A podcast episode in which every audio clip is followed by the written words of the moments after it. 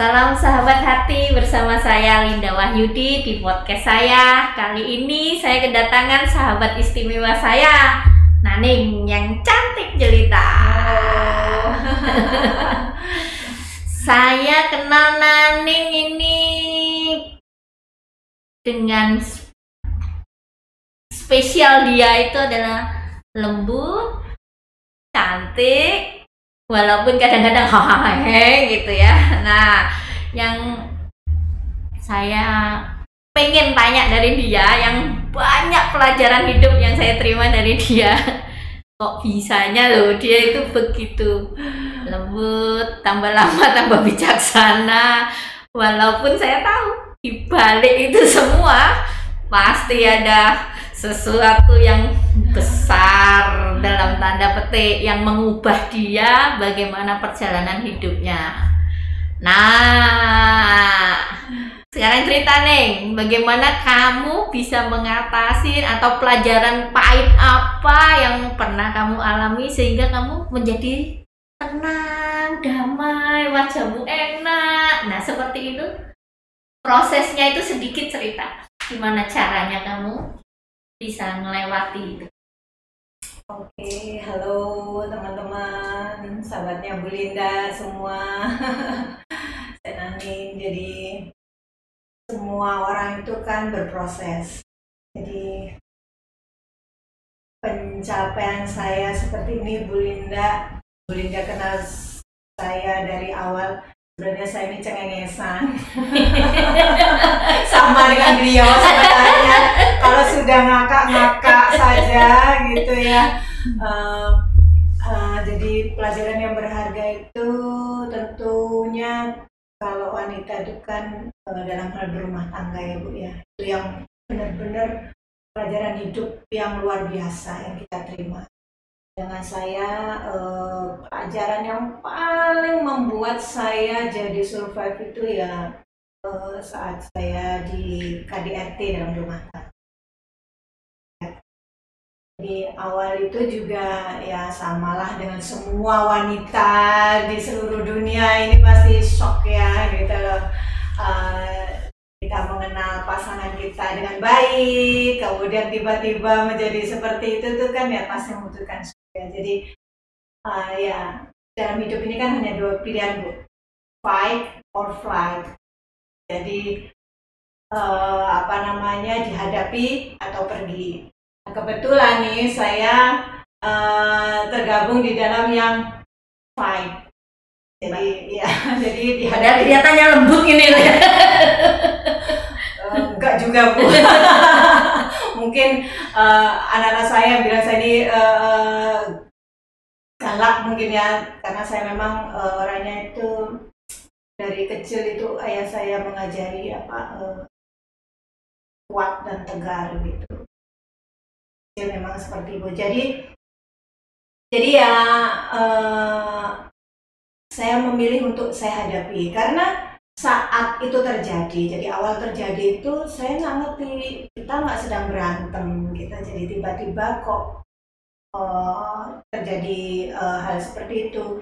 Jadi ya saya ini orangnya suka tipuan mencari tahu kenapa kan gitu loh. Saya orang yang suka juga kalau punya masalah itu uh, harus diselesaikan. Karena semua ada solusinya. Jadi akhirnya uh, uh, saya uh, bertahan, kemudian belajar dari itu semua. Semakin ke sini kok semakin lama kok terus terusan ya dimaafkan, oke begitu dimaafkan, oke begitu mungkin juga seluruh wanita di dunia itu mungkin ya 75% ya yang selalu berpikir kasihan anak-anak, kasihan anak-anak. Jadi waktu itu memang anak-anak masih kecil sih, ah, jadi tuh kasihan anak-anak kan gitu bertahan aja. Tapi tambah lama sekian setelah bertahan sekian lama ya nggak tahan juga. Akhirnya saya uh, di situ pelarian saya kebetulan ya kebetulan di positif. Saya selalu uh, membaca buku. Mungkin saya juga belajar dari anak saya yang paling kecil. Dia kebetulan kutu buku. Dia anak yang introvert Jadi uh, saya lihat dia uh, belajar juga dengan dirinya dengan diam dia. Saya saya melihat dia benar-benar nah ini baik-baik aja atau dibaik-baikan sama seperti saya. Gitu loh. Uh, pertama juga ya dikuat-kuatkan kan gitu bu ya. Semua pasti kayak gitu. Akhirnya saya membaca buku motivasi bagaimana berumah tangga di situ. Akhirnya saya uh, oke okay, saya harus sembuh. Sembuh dengan uh, mempertahankan ini uh, ya demi semuanya. Demi semuanya sebenarnya bukan uh, yang paling utama sebenarnya untuk diri saya sendiri. Kan kita harus uh, berumah tangga itu kan harus bahagia. Nah, ya jadi sehat batin. lahir batin gitu ibu. Jadi ya akhirnya uh, mencari ibu. Mencari juga mencari juga mencari juga gimana caranya supaya saya kuat bertahan dan sehat. Sehat untuk diri saya untuk anak-anak saya dan ya pasangan kita juga supaya ya lebih baik lagi. Saya pastilah semua dibilang menyalahkan diri sendiri juga mungkin juga tapi kan pasti bertanya kenapa hal ini terjadi apa dengan saya? Kurang apa saya ini? Pasti semua akan bertanya seperti itu gitu. Di situ terus saya koreksi diri, koreksi diri. Semakin saya mengalah, kok semakin diinjak kan gitu. Juga bingung juga gitu. Selain ya juga pasti ya kita memohon sama Tuhan seperti itu. Lama-lama kok. Kok seperti ini juga kacau balau kan gitu. Kemudian Tuhan mengirimkan tangannya. Jadi saya kebetulan bertemu dengan seseorang mengajari tentang meditasi. Saya tuh nggak ngerti spiritual bu sama sekali gitu loh. Terus ngajarin uh, meditasi. Oh oke. Okay. ternyata meditasi itu kan menenangkan pikiran. Gitu bu. Uh, saya pikir itu ah meditasi yang gimana? Yang mau jadi apa? Kan gitu bu. Jadi jadi biksu. Takut saya kan gitu. Saya orang itu aduh takut banget. Iya bu. Akhirnya oh ternyata uh, meditasi ini bagus banget menenangkan saya. Jadi saya itu bisa berpikir saya harus bagaimana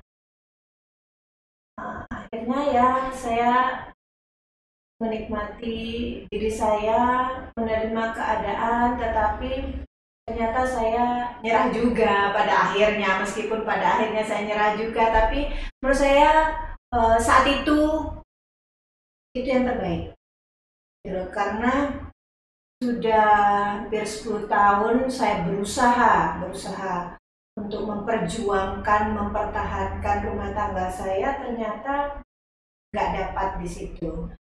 Ya daripada dia nggak bahagia anak saya tidak bahagia ya sudah saya hebat. Kal kalaupun kamu mau ngomong nih kan ya. pasti nggak kamu sendirian yang ngalamin seperti ini pasti pasti banyak perempuan-perempuan juga ya, mengalami kira-kira kamu mau nyampein apa sih sehingga kamu bisa lewat gitu lewat itu artinya yang saya lihat Naning yang sekarang Naning yang bahagia, Naning yang damai, Naning yang sangat bijaksana, lihat kamu tuh adem. Nah, pasti nggak bisa langsung jadi kamu seperti ini. Nah, nah, kamu pengen ngomong apa sih sama perempuan-perempuan di Indonesia ini? Kan tidak satu yang ngalami kayak kamu. Saya ya. tahu ini pasti sangat-sangat berat orang ngalamin ini. Nah, bagaimana resepnya apa cuma meditasi tadi atau apa yang kamu ingin ngomong sama mereka bahwa mereka harus kuat atau gimana ya jadi dalam hidup ini kan kita pernah terjatuh nah, dan pasti kita akan berusaha untuk bangkit dan berdiri. Terjatuh itu saat mengalami terjatuh itu kan pasti sakit. Nah jadi uh, kalau apa namanya uh, kita berusaha untuk uh, bangkit, uh, kemudian berjalan perlahan, pastilah kita itu apa namanya rasa sakit itu pasti akan berkurang.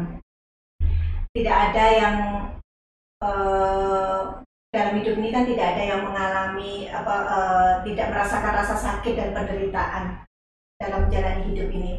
Tapi saat kita uh, bangkit dan berdiri berarti kan kita menerima dan menjalani uh, semua prosesnya itu itu adalah uh, apa namanya obat ya untuk mengalahkan rasa sakit itu. Jadi uh, jalani saja. Menerima, berdamai dan menjalaninya semua pasti apa namanya rasa sakit itu pasti hilang. All is well. Semua akan baik-baik saja. Menurut kamu, apakah setiap perempuan pasti bisa ngatasi? Pasti kita akan diberikan pikiran. Di manusia itu kan uh, ciptaan yang luar biasa. Pikiran kita itu kan uh, itu berkah terhebat yang dianugerahkan oleh Tuhan. Jadi, Kalau menurut kamu sumber kekuatanmu tuh di mana? Misalnya mungkin ada orang yang sumber kekuatan saya itu pada anak-anak saya, Bu. Atau sumber kekuatan saya itu ya ada guru spiritual saya bu atau apa pun gitu kalau menurut kamu sumber kekuatanmu sehingga kamu bisa lewatin masa itu yang begitu kalau orang nggak kuat ya sudah pasti hancur di situ ah, ya. karena tekanannya terlalu besar. Benar juga uh, bisa jadi ibu. Saya juga mungkin juga sumber kekuatan saya anak-anak saya. Itu karena memang saat itu tuh kan ini bu uh, apa namanya melihat anak-anak saya. Kamu kamu masih muda banget waktu itu. Iya bu. Gimana kamu bisa apa yang kamu bisa punya punya pikiran kayak gitu? Nah, punya pegangan minimal tuh bukan untuk berdiri ya, minimal untuk ambekan gitu loh. Itu kan tekanan begitu besar. Benar. Uh, mungkin ya anak-anak saya, anak-anak saya yang yang membuat saya itu survive. Karena uh, saya melihat uh, si adik terutama saya punya dua anak itu berbeda sifat. Satu ekstrovert satu introvert. Uh, yang ekstrovert juga jangan salah. Dia pun juga uh, pasti mengalami kegalauan karena dia banyak melihat uh, hal yang terjadi antara mama sama papa. Tapi dia begitu luar biasa memilih bergaul ke hal yang baik yang introvert ini uh, semakin dia menarik diri, semakin dia jadi pendiam. Uh, sebenarnya saya saya melihat di situ saya juga tidak tahu ya bu, kenapa saya uh, bisa melihat ke arah situ. Waduh, anak-anak saya kok begini, saya harus sembuh. Kan gitu bu. Jadi mungkin seperti yang ibu bilang, yang jadi pemicu saya bisa survive anak-anak saya ya. Gitu yang paling utama lah ya pasti. Karena saya merasa saya itu diberi berkah yang luar biasa dengan dua anak yang sehat. Dua anak yang cerdas dan dua anak yang baik banget. Jadi mereka berdua ini anak-anak yang sebenarnya memberikan motivasi benar sama ya benar. Anak saya bu yang benar-benar membuat memotivasi saya untuk survive.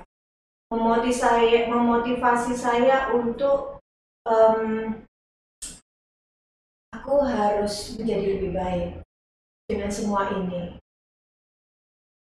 Jadi karena karena gini bu uh, saat saya uh, sudah putusan saya lihat uh, anak saya yang pertama itu dia hmm, sedikit pendiam dan uh, agak nggak peduli dengan semua kecerewetannya dia gitu. Tapi dia saya lihat uh, sedikit uh, ya namanya marah sama ayah pasti ya, ya. Dia masih bisa bisa menguasai dirinya lah. Jadi saya melihat mereka berdua ini hmm, jadi pendiam begitu. Ini ya saya uh, waduh saya harus sembuh nih untuk Jadi kalau saya di depan mereka ya samalah dengan ibu-ibu seluruh dunia mungkin dikuat-kuatkan nanti mereka mungkin sekolah apa kita nangis sendiri mungkin gitu. Saat awal-awal awal-awal semua semua pasti mengalami hal itu bu. Awal-awal uh, kita berpisah atau mengalami hal yang luar biasa dalam hidup. Bagaimana cara kamu melindungi hati anak-anakmu supaya tidak ya terluka sedikit pasti supaya nggak nggak terluka lebih banyak. Jadi gimana caranya kamu melindungi hati anak-anakmu terhadap peristiwa yang sangat menyakitkan ini pasti. Saya makanya uh, saya kan harus sembuh dulu bu. Hmm. Saya melihat mereka, waduh saya nggak bisa um, menyuruh mereka sembuh sedangkan saya sendiri yeah. masih up and down up and down. Di situ tuh saya uh, berjuang untuk sembuh untuk diri saya. Jadi uh, samalah dengan uh, mungkin wanita-wanita yang lain bu ya pasti curhat kan gitu. Saya mungkin uh, uh, saya pernah curhat dengan beberapa lah ya teman gitu loh. Aduh aku ngalamin begini gini gini. Pasti jawabannya yang sabar, yang kuat. Aku sudah melakukannya. Aku sudah sabar nih. Sudah kuat dah. Sekian lama aku bertahan dengan begini. Tapi gimana caranya? Gitu. Untuk menjadi seperti itu yang enggak. Mungkin mungkin dibilang disabar-sabar no? Kalau orang Jawa kan gitu bu. Jadi aduh gimana ya akhirnya? Aduh saya harus uh, curhat di seseorang yang ahli di bidangnya. Mungkin saat itu ibu bukan uh, belum seorang hipnoterapi. Jadi saya juga uh, uh, saya harus ke mana? Itu juga menjadi pertanyaan saya. Uh, kemudian secara kebetulan Tuhan juga mengirimkan seseorang jadi jangan khawatir ya teman-teman semuanya. Tuhan itu pasti mengirimkan tangannya. Betul uh, itu karena doa-doa kita juga kan gitu loh. Tuhan masih mengirimkan tangannya jadi uh, entah gimana saya tuh say hi sama teman kan gitu loh.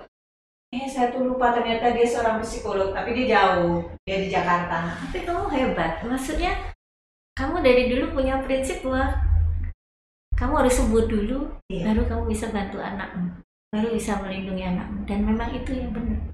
Iya bu. Saya sendiri juga nggak tahu kenapa saya uh, selalu uh, diberikan kesadaran. Karena memang uh, kesadaran itu itu dilatih teman-teman ya. Jadi mungkin dalam hening saya gitu kan dalam doa saya kan uh, saya selalu mohon Tuhan memberikan saya selalu pikiran yang uh, cerdas tenang supaya saya bisa memahami gitu loh, memahami setiap pengetahuan yang diberikan kepada saya. Jadi kan e, lewat kejadian apa pun dengan pasangan, mantan, dengan teman gitu. Jadi memang e, kesadaran itu memang e, dibutuhkan supaya kita bisa menyelesaikan semua ini, Bu. Jadi setiap masalah. Jadi kalau sudah kita sadar Oh iya, namanya hal buruk, hal buruk yang orang lakukan gitu loh. Nah, setelah saya uh, diem gitu, oh iya ya, sebenarnya ada hal baik dari hal buruk itu gitu loh. Ya, ya nggak tahu juga. saya kok punya pikiran kayak gitu juga saya nggak tahu bu. Pokoknya waktu itu saya cuma melihat anak saya kok murung lah, keduanya murung gitu. Jadi, duh, harus bagaimana ya? Pasti gitulah. Aku nggak mau anakku semakin terjerembab ya bu terjerumus ke dalam uh, hal yang nggak bagus. Jadi saya harus bisa. Jadi kita ini kan uh, wanita ini kan juga seorang ibu dan seorang istri. Nah, saya ini sudah gagal jadi istri saya harus sukses jadi ibu. Itu prinsip yang hebat. Itu loh bu. Jadi saya gagal jadi istri jadi saya harus jadi ibu yang iya yang sukses berhasil. yang berhasil. Benar. Ya itu yang saya selama ini makanya saya tadi tersentuh kamu ngomong begitu karena memang selama ini yang saya ajarkan sama semua ibu-ibu muda saya selalu ngomong baik sama menantu saya sama anak saya yang mau jadi ibu saya selalu mengajarkan. Kalau kamu ingin anakmu sukses kamu harus jadi ibu yang bahagia. Iya, rumusnya cuma sesederhana itu. Benar. jadi saya kamu ngomong begitu saya harus sembuh supaya anak saya sembuh dan Iya.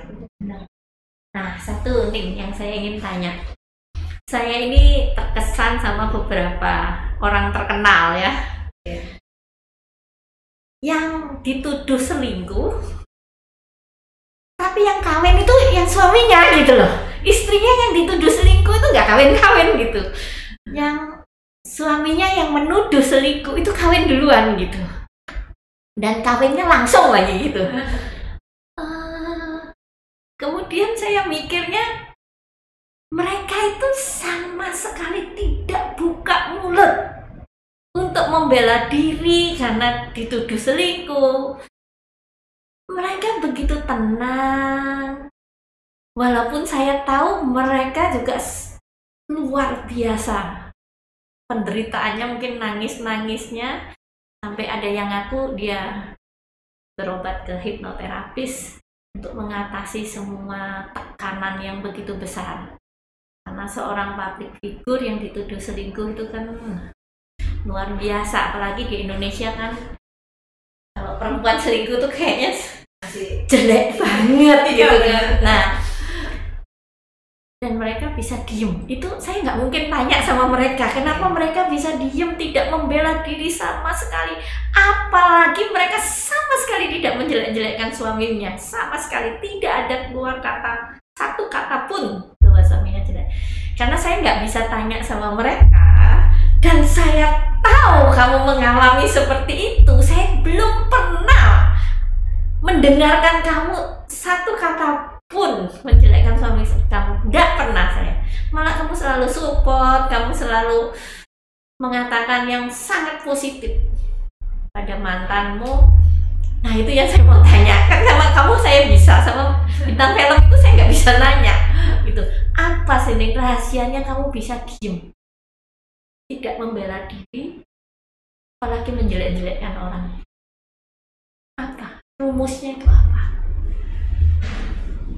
rumusnya ya bu ya. Em, sebenarnya itu juga eh, latihan kita bu sebenarnya ya bu. Jadi, eh, saat kita eh, memohon sama Tuhan Tuhan sudah mengirimkan banyak berkah banyak sebenarnya. Sorry saya putus dulu. Iya. Menurut psikologi perempuan itu kan cenderung ngomong nih. Iya, lebih banyak ya bu ya? Mungkin 10 orang itu yang bisa diem tuh satu gitu loh.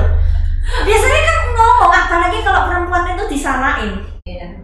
pasti dia yang nong nong nong nong nong gitu. Ini yang saya tahu ya umumnya perempuan jangan sampai disalahin. Perempuan tuh selalu benar makanya selalu dikatakan woman is right. Itu Iya, benar. perempuan selalu benar. Benar. Nah kenapa kamu bisa diem gitu? Ya, ya itu Bu, Eh, karena saya pernah eh, seperti curhat kan gitu Bu ya. Curhat cuma dikasih sabar, kuat. Sampai kan Bu, konfirmasi terus gitu loh. Aduh, aku sudah tahu, aku udah melakukan kan gitu Bu. Capek dong. Eh, akhirnya ya saya harus cari orang yang ahli di bidangnya kayak gitu, konseling. Kemudian eh, adalah orang eh, bijak kayak guru seperti itu guru spiritual kayak gitu. Itu eh, malah hmm, mengajarkan saya tuh uh, benar-benar saya ditekan ego saya. Makanya seperti yang saya bilang tadi bu itu juga merupakan latihan bu. Latihan supaya kita itu eh, eh, diam dengan melihat kan bu. Kan harus harus eh, kita kan juga harus cerdas bu gitu loh jadi kalau kita gerusah gerusu itu malah itu bumerang buat kita. Gitu loh. Itu malah memperburuk keadaan. Gitu loh, Bu. Jadi eh, salah satunya s- cara ya diam. Gitu loh. Sesakit apa pun yang yang eh, kita terima, seperti yang tadi kita bilang, kita terjatuh sakit, iya ya sudah bangkit saja. Bangkit, berdiri perlahan-lahan, dan jalan perlahan-lahan. Jadi ya eh, dinikmati saja bu sakitnya itu. Orang melihat saya mungkin bahagia, kan seperti yang tadi bilang prosesnya seperti itu. Semua harus dilatih bu, sabar juga dilatih. Semua itu dilatih bu. Jadi eh, saya rasa em, public-public figur itu kalau bersuara dikit aja sudah dihujat jadi lebih baik diam sebenarnya diam itu juga proses kita belajar untuk memahami memahami sisi hal buruk itu. Dari sisi pasangan itu kenapa dia melakukan hal itu juga? Dan juga melatih kita juga. Kenapa aku diperlakukan begini? ini kan kita bicara kenyataan ya Bu ya selain saya sebagai eh, orang eh, Hindu, orang Bali yang percaya reinkarnasi, tapi saya berbicara masalah eh, yang nyata-nyata saja.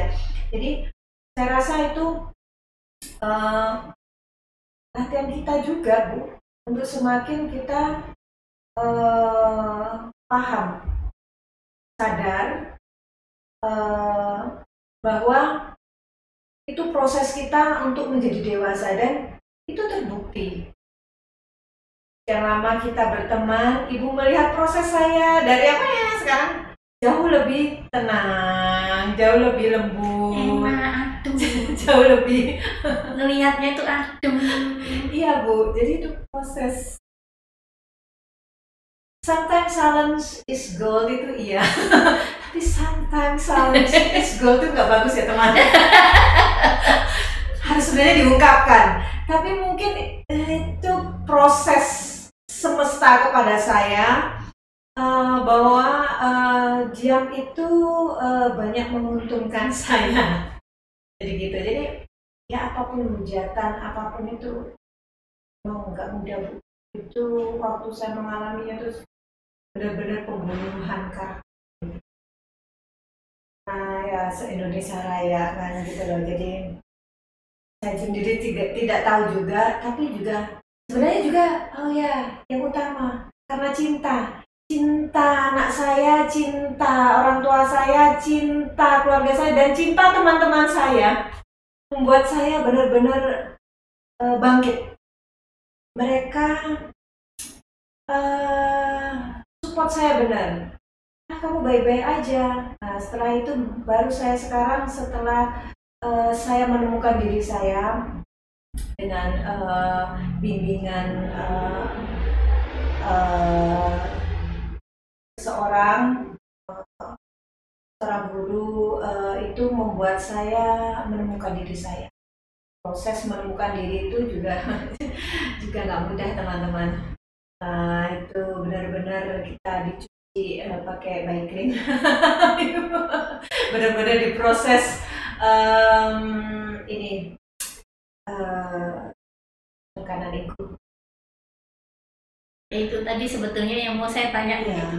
Bagaimana caranya kamu bisa melepas egomu sampai kayak begitu? Sampai kamu akhirnya merasa nggak ada apa-apa tuh gitu. It's okay. Iya Bu. Jadi saya itu dibimbingnya itu eh, jadi setiap pertanyaan saya, argumen saya itu beliau bisa matahkan. Jadi saya, hmm, saya tapi paham gitu loh. jadi sampai saya, aduh, lagi aku salah. Sampai benar-benar saya itu kecekek. Sampai akhirnya eh, beliau itu membimbing saya itu sampai saya memahami, oh ternyata saya belum melakukan apa-apa. Jadi saya tuh memahami, oh ternyata proses kita menuju eh, kedewasaan itu seperti ini, memahami eh, kehidupan itu seperti ini. Oh, jadi saat saya sudah, oh baru eh, saya benar-benar entah bagaimana saya tuh bisa pas gitu loh bu benar-benar yang saya tuh yang ah iya begitu ya jadi ya sampai pada akhirnya saya berterima kasih padanya sam- berterima kasih eh, pada eh, mantan pasangan kita, berterima kasih pada eh, yang sekarang mendampinginya, membuat saya menemukan diri saya.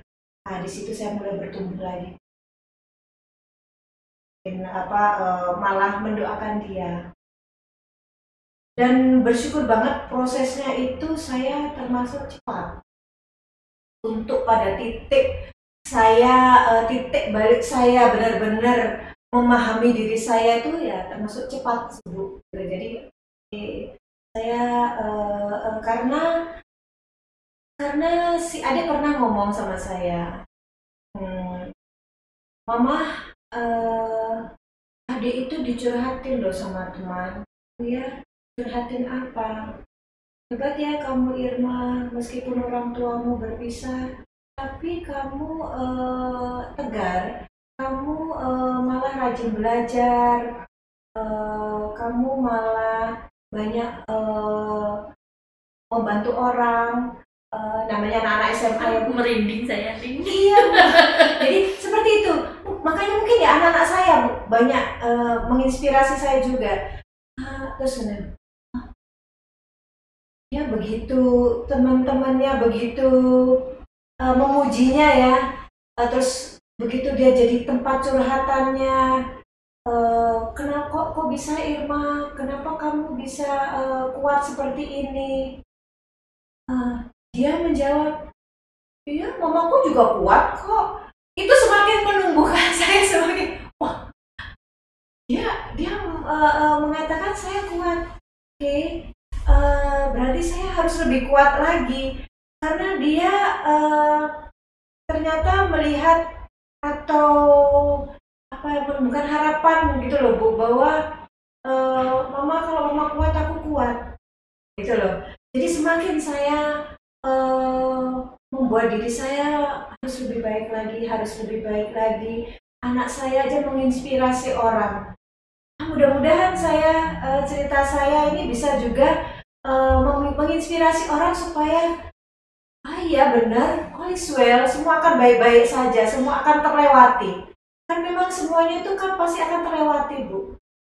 Kan yang eh, eh, yang kemarin kan ya sudah selesai hidup itu kan yang kemarin ya sudah sudah lewat kita nggak bisa berubahnya dan yang akan datang juga kita tidak tahu kan yang sekarang. saya lihat kan dua anakmu ini luar biasa nih. Benar. yang gede juga sangat bertanggung jawab sangat care semua studi tepat waktu dan benar-benar pokoknya laki-laki idaman lah bagi anak-anak muda. Udah ganteng udah luar biasa.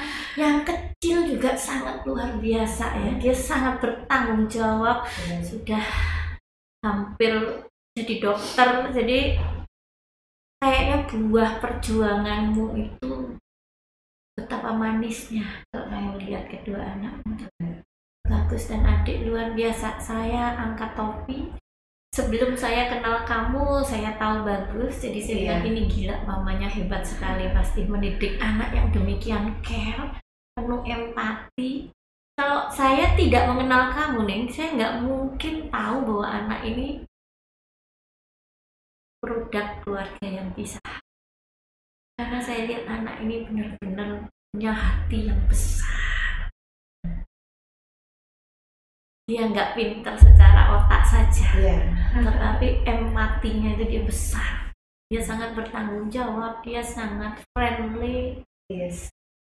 dan saya tahu anak seperti ini pasti dilahirkan oleh seorang ibu yang bahagia. Bukan ibu yang cemen yang selalu menyalahkan orang lain pasti tidak dan gimana kamu menyikapi anak-anakmu dua-duanya sangat sayang sama kamu, sangat patuh, sangat bertanggung jawab. Kayaknya itu lebih dari balasan dari apa yang kamu perjuangkan sekarang. Itu hadiah dari Tuhan yang luar biasa, Bu. Perjuangan itu. Aduh. Kamu pernah nangis di depan anak-anak nggak? Hmm. Enggak sih. Eh, eh, eh, sebenarnya enggak cuman tiba-tiba kadang gitu bu habis saya menangis gitu tiba-tiba anak saya datang gitu uh, terus mereka yang melihat saya uh, nangis itu pasti murung. Makanya saya berusaha berusaha untuk tidak menangis di depan mereka. Sebenarnya gini ya teman-teman. Hmm, seperti yang saya bilang tadi uh, prinsip saya saya sudah gagal jadi istri saya harus sukses jadi ibu. Uh, dan anak itu dan memang kita jangan uh, sering menyalahkan uh, siapa-siapa terutama anak. Karena anak itu pasti uh, jadi tumpahan juga. Kadang kalau uh, kita emosi kadang mereka tanpa kita sadari mereka pun juga sudah kena dampaknya dengan uring-uringan kita gitu. Setelah uh, uh, terkadang uh, saat-saat itu awal-awal mungkin saya juga seperti itu bu. Jadi kadang aduh uh, bisa nggak sih kalian ini? Padahal mereka nggak salah apa-apa nggak ini apa-apa tapi cepatlah sadar seperti itu yang saya bilang itu uh, uh, cepatlah bangkit. Jadi saat saya sadar saya pasti memeluknya. Jadi jangan terus gengsi terus habis itu dibiarkan kemarahan kita akhirnya gak karu-karuan kan gitu bu. Jadi cepatlah sadar terus peluk. Dan dan jangan pernah malu meminta maaf sama anak. Juga. Ini satu hal lagi. Pernah nggak sih karena kamu emosi gitu? Misalnya waktu itu tekanan terlalu besar kamu ya. emosi terus kamu sampai menjelekkan papanya mereka di depan mereka. Saking sakitnya. Menjelekkan sih menjelekkan banget enggak bu. Cuman kadang itu ngeledekin si adik gitu loh. Kan kebetulan adik itu kan eh, kacanya Pak Made banget. Mirip mirip banget. Kaca papahnya hmm. banget kan gitu bu. Eh, jadi uh, dari segi fisik dari segi sifat apalagi tuh itu sudah benar-benar uh, cerminnya dari papahnya banget gitu loh. Paling saya kalau udah kesal dengan uh, uh, kediamannya adik kan dia sangat diem banget terus kadang dia juga ya namanya anak kadang juga kesal juga terus kalau udah cemberut terus saya tuh uh, lagi juga uh, lagi nggak bagus uh, mood saya gitu tuh paling saya uh, tuh lihat tuh cermin tuh mukamu tuh sama kayak papa kamu paling kayak gitu aja. Dan itu apa sih mama nggak paling ketawa aja dan itu bagus pun juga pasti ketawa-ketawa. Jadi sebenarnya yang banyak sekali itu membuat suasana uh, nyaman itu sebenarnya anak saya yang laki jadi si bagus itu kebetulan anak yang benar-benar periang. iya periang banget selalu bikin kita ketawa iya. selalu menyenangkan hati orang. benar banget itu bu. Banget itu bu. Jadi kalau namanya saya itu umumnya uh, lagi bete dan itu bu mesti mesti mama sudah sana ke salon jadi ke salon krim banget gitu. Wah males gitu. Ya sudah jalan-jalan aja. Jadi dia yang selalu periang sebenarnya di balik sebenarnya uh, dia pasti juga ya namanya anak juga galau kan melihat uh, apa namanya orang tua begitu. Tapi entah bagaimana dan entah kenapa uh, dia uh, banyak sekali uh, membuat suasana itu menjadi uh, riang gitu bu jadi saya tuh kalau bangun pagi gitu saya bangunin dia itu sebenarnya dia juga anak manja. Jadi uh, bagus bangun ya gitu. Itu saya peluk-peluk saya cium-cium. Jadi uh, ibu-ibu ya uh, ya teman-teman seluruhnya ya sama anak itu juga anak itu juga butuh sentuhan. Dan harus kita sering touch dia gitu. terus uh, ya ibu sebagai ibu juga kadang kita ya sedikit drama-drama. Drama-drama itu dalam arti manja-manja. Kemudian yang sok oh, gimana? Aduh oh, mama tuh kenapa sih nggak ada yang perhatiin nah seperti seperti itulah. Jadi jadi anak itu juga maksudnya gini loh kita saling saling apa ya saling care gitu loh bu. Saling memberi apa namanya sentuhan juga gitu jadi kalau kita itu sering uh, touch mereka, itu mereka juga kok bu, gitu loh. Jadi kadang itu, momennya uh, anak itu nangis gitu ya bu ya, kayak adik cerita gitu, sedih gitu. Kita peluk gitu bu kita peluk gitu loh.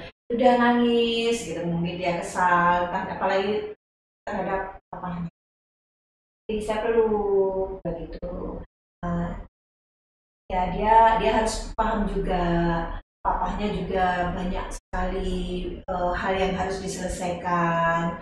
Kan papanya juga uh, ya pekerjaan. Jadi uh, keluarganya yang baru. Jadi ya dia harus memahami itu semua. Itu pun juga uh, latihan juga buat dia. Lebih memahami lebih uh, lebih uh, anggap aja latihan dia sebagai uh, dokter uh, psikiatrinya. Jadi koas psikiatrinya anggap aja. Itu sebagai jadi uh, sebagai uh, pasiennya. Jadi ini aja deh bu. Apa ya ya dibilang kita itu santai saja sebenarnya juga nggak santai saja kan gitu bu. Tapi ya seperti yang tadi awal kita bilang ya jalanin aja. Lah berarti rumusnya itu mungkin bisa disederhanakan. Pokoknya jangan jelek-jelekin mantan pasangan kita di depan anak-anak supaya mereka hidupnya lebih happy. Maksudnya anak-anak lebih happy lebih ceria nggak punya beban atau bagaimana nih? Oh ya bu. Uh, karena gini bu. Kalau uh, anak-anak juga butuh figur seorang ayah. Ya dan ayahnya masih hidup. Ya kan gitu bu. Jadi kalau saya menjelekkan ayahnya sama dengan saya menjelekkan diri saya sendiri jadi anak itu nggak akan punya figur. Terus ayah itu uh, anak-anak itu uh, kelak juga dia kalau kita menjelekkan uh, pasangan kita papanya anak-anak. Kemudian uh, kelak uh, anak-anak marah kan? Dia kan marah. Dia berani marah. Mereka pun juga nanti berani marah sama kita. Pasti itu dia pasti uh, tidak ada figur yang baik tapi kalau kita itu selalu uh, respect sama pasangan respect, sama iya, papanya mereka iya jadi kita itu kita harus menceritakan jadi uh, kita biasakan memang uh, harus komunikasi dengan anak-anak. Jadi kalau punya anak-anak habis nengok papahnya, itu mesti saya tanya gimana tadi, gimana papa, gimana papa sehat. Uh, uh, pokoknya saya tanya gitu. Kalau mereka ada keluhan-keluhan, oh mungkin dia lagi begitu. Oh mungkin dia lagi begitu. Jadi uh, uh, kita kita uh, uh, sampaikan sama mereka bahwa uh, hal yang baik-baik aja.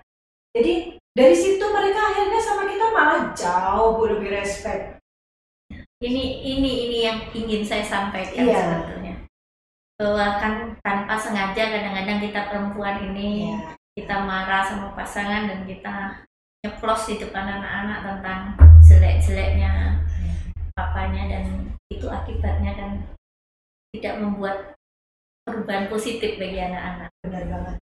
Dan kembali kan di diri kita jadi kalau kita dijelek-jelekin pasti eh kalau kita menjelek-jelekan kita juga pasti jelek-jelek. Kan kan di ruang kosong ya bu. Gemanya pasti kembali ke kita. Gampang tuh sederhana tuh. Sebenarnya sederhana, tapi ya kita mengalahkan diri kita sendiri. Yes, Bu.